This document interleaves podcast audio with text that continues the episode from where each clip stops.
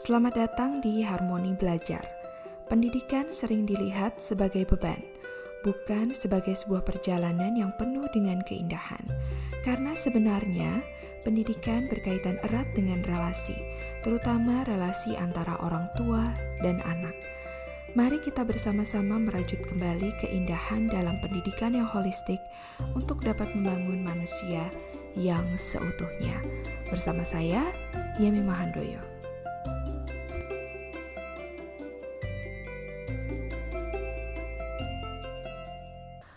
Artikel kali ini berjudul "Jangan Memuji Anak Pintar atau Baik".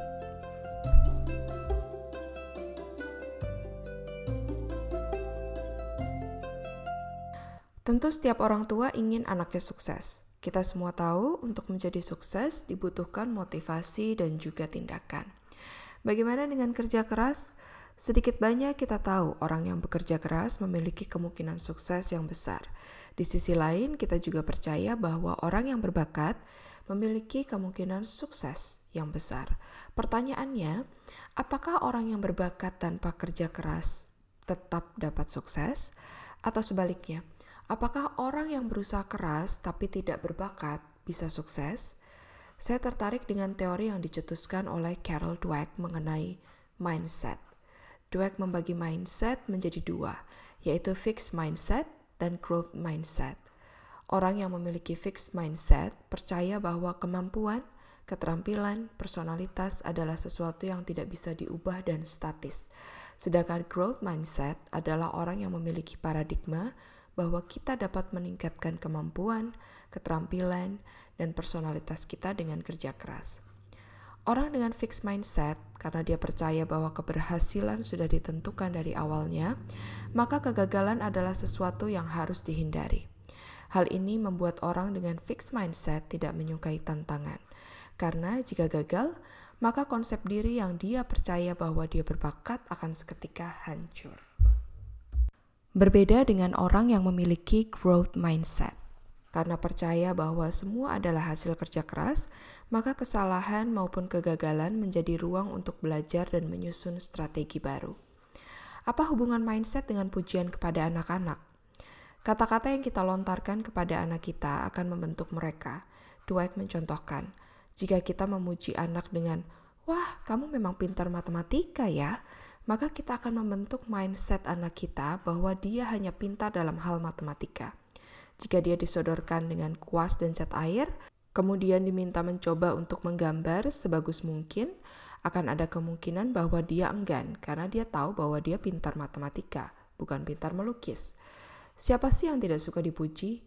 Benar, pujian akan memberikan semangat, namun hanya sesaat. Bayangkan jika suatu saat dia mendapat nilai buruk di ujian matematika. Seberapa hancur dia karena dia ternyata tidak pintar matematika. Bagaimana dengan pujian, "Kamu anak baik ya"?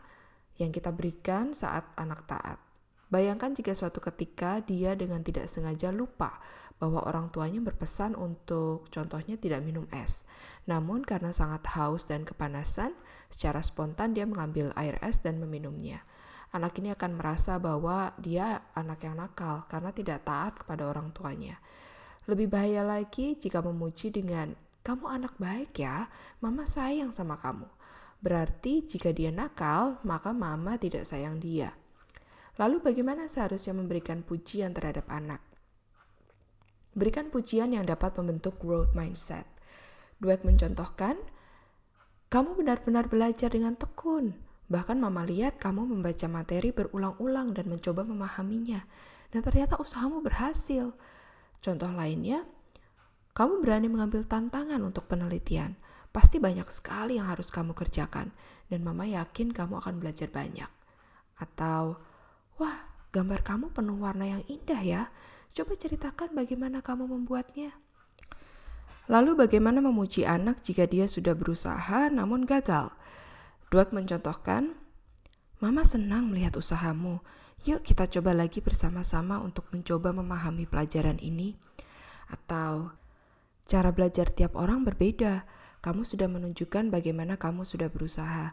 Kita akan mencoba menemukan strategi yang lebih memudahkan kamu untuk mempelajari pelajaran ini bersama-sama ya. Pesan yang ingin kita sampaikan dari pujian yang membangun growth mindset adalah kemampuan dan pencapaian adalah hasil dari komitmen dan kerja keras. Memberikan pujian yang membangun growth mindset akan membuat anak kita tidak merasa dihakimi dan dinilai setiap saat. Pujian membangun growth mindset akan membuat anak merasa bahwa orang tuanya ada untuk terus mendukungnya.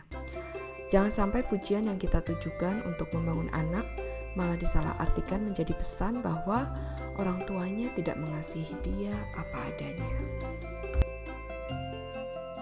Demikian artikel kali ini. Jangan lupa subscribe di www.harmonibelajar.com dan dapatkan update informasi dan artikel terbaru seputar pendidikan. Saya Yemi Mahandoyo undur diri. Salam.